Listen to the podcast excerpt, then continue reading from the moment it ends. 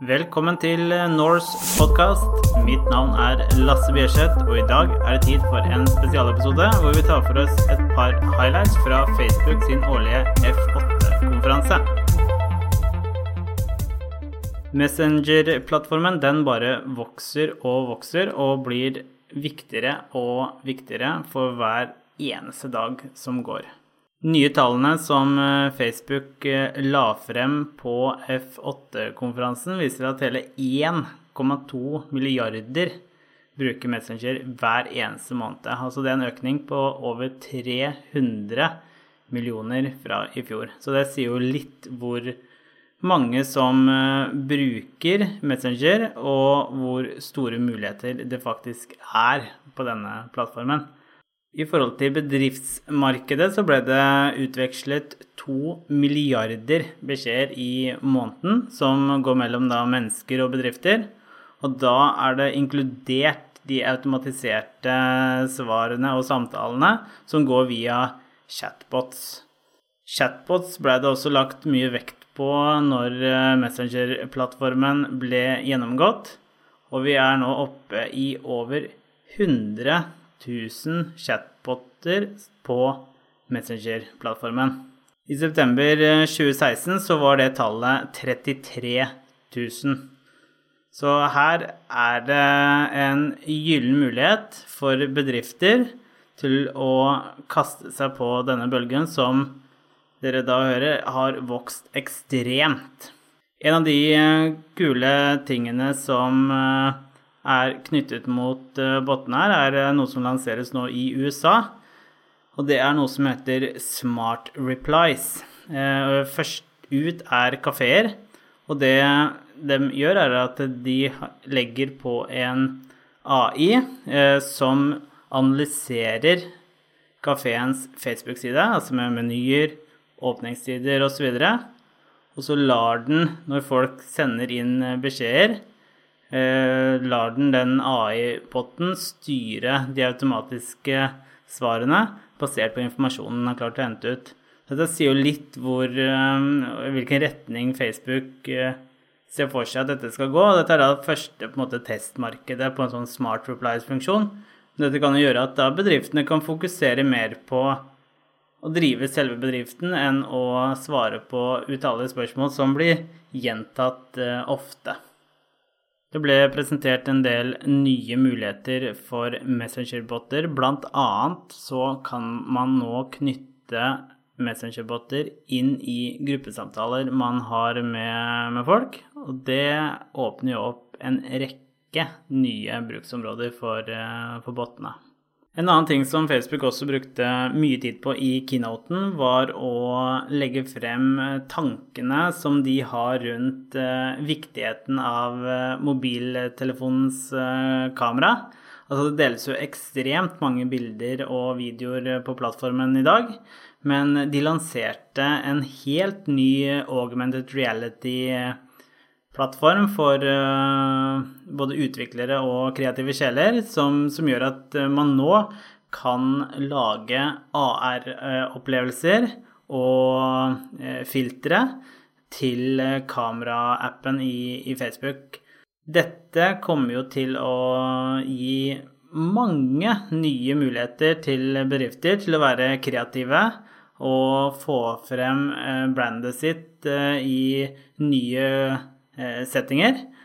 Det ble vist fram et par eh, eksempler. Eh, alt fra å kunne skrive og legge igjen beskjeder på vegger, til AR-spill à la Pokémon Go. Så sånn som Mr. Zuckerberg da sa, så kommer man til å bli vant til at folk stirrer ut på blanke vegger med telefonen sin. Det kommer til å bli et helt uh, normalt syn i, i, tiden fremover. Det var selvfølgelig også fokus på VR, og Facebook Spaces eh, ble lansert.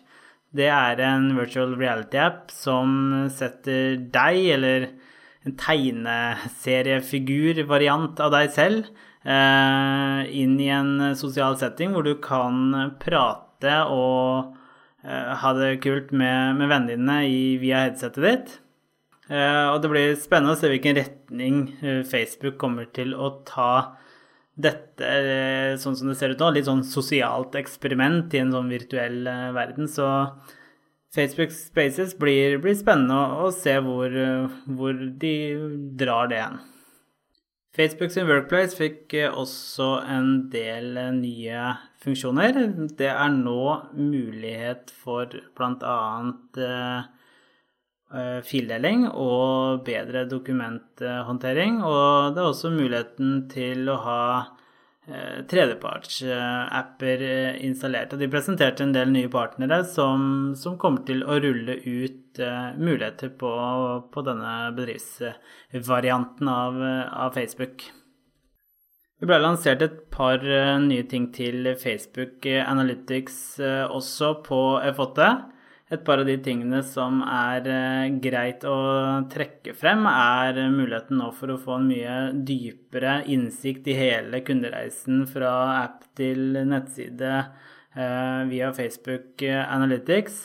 Dette kommer til å gi deg mye mer verdifull data enn sånn som det har vært tidligere, fordi du Eh, får alt presentert eh, som en helhet istedenfor stykkevis, og man må på en måte gjøre sammensetningene selv. Så de har gitt eh, litt mer kraft i, i verktøyet sitt nå, og det tror jeg kommer til å gjøre analysejobben betraktelig mye enklere. Et annet grep for å gjøre ting enklere når man prøver å grave i all den dataen som man har på Facebook, er at de nå har puttet en AI i bakkant av eh, Analytics-delen sin. For at du som bedrift nå skal spare tid eh, når du driver og graver i all den dataen du har eh, liggende på Facebook, så har nå Facebook lansert noe de kaller Automated Insight, som er en AI-motor i bakkant av analysemotoren sin. Eh, det de nå gjør, er at de kommer til å presentere viktige funn, trender eh, osv. på en pen, oversiktlig måte, som gjør at du slipper å drive og grave etter mye av disse dataene selv. Så får du eh, vekst i segmenter du kanskje ikke har hatt vekst i tidligere, eller ting som er interessant data som du burde få med deg, så kommer det til å bli dratt frem på, på forsiden eh, rimelig tydelig for deg. En annen ting som også ligger i Open Beta nå, er muligheten for å opprette eh, dashboards. Eh, og det er jo ting som man er vant med fra andre analyseverktøy. Det var en rask eh, liten oppsummering fra årets eh, F8-konferanse. Vi kommer til å legge ut link til eh, videoene fra konferansen på Norsepodcast.no. De anbefaler jeg sterkt at dere tar en titt på. Det er veldig mye bra mat eh, i forhold til hvor Facebook-verden nå går igjen. Det er jo en rimelig sentral plattform i 2017 og garantert i årene fremover. Legg gjerne igjen en uh, liten uh, review i din favorittpodkastspiller. Og så dukker det snart opp en ny episode fra oss i Norse.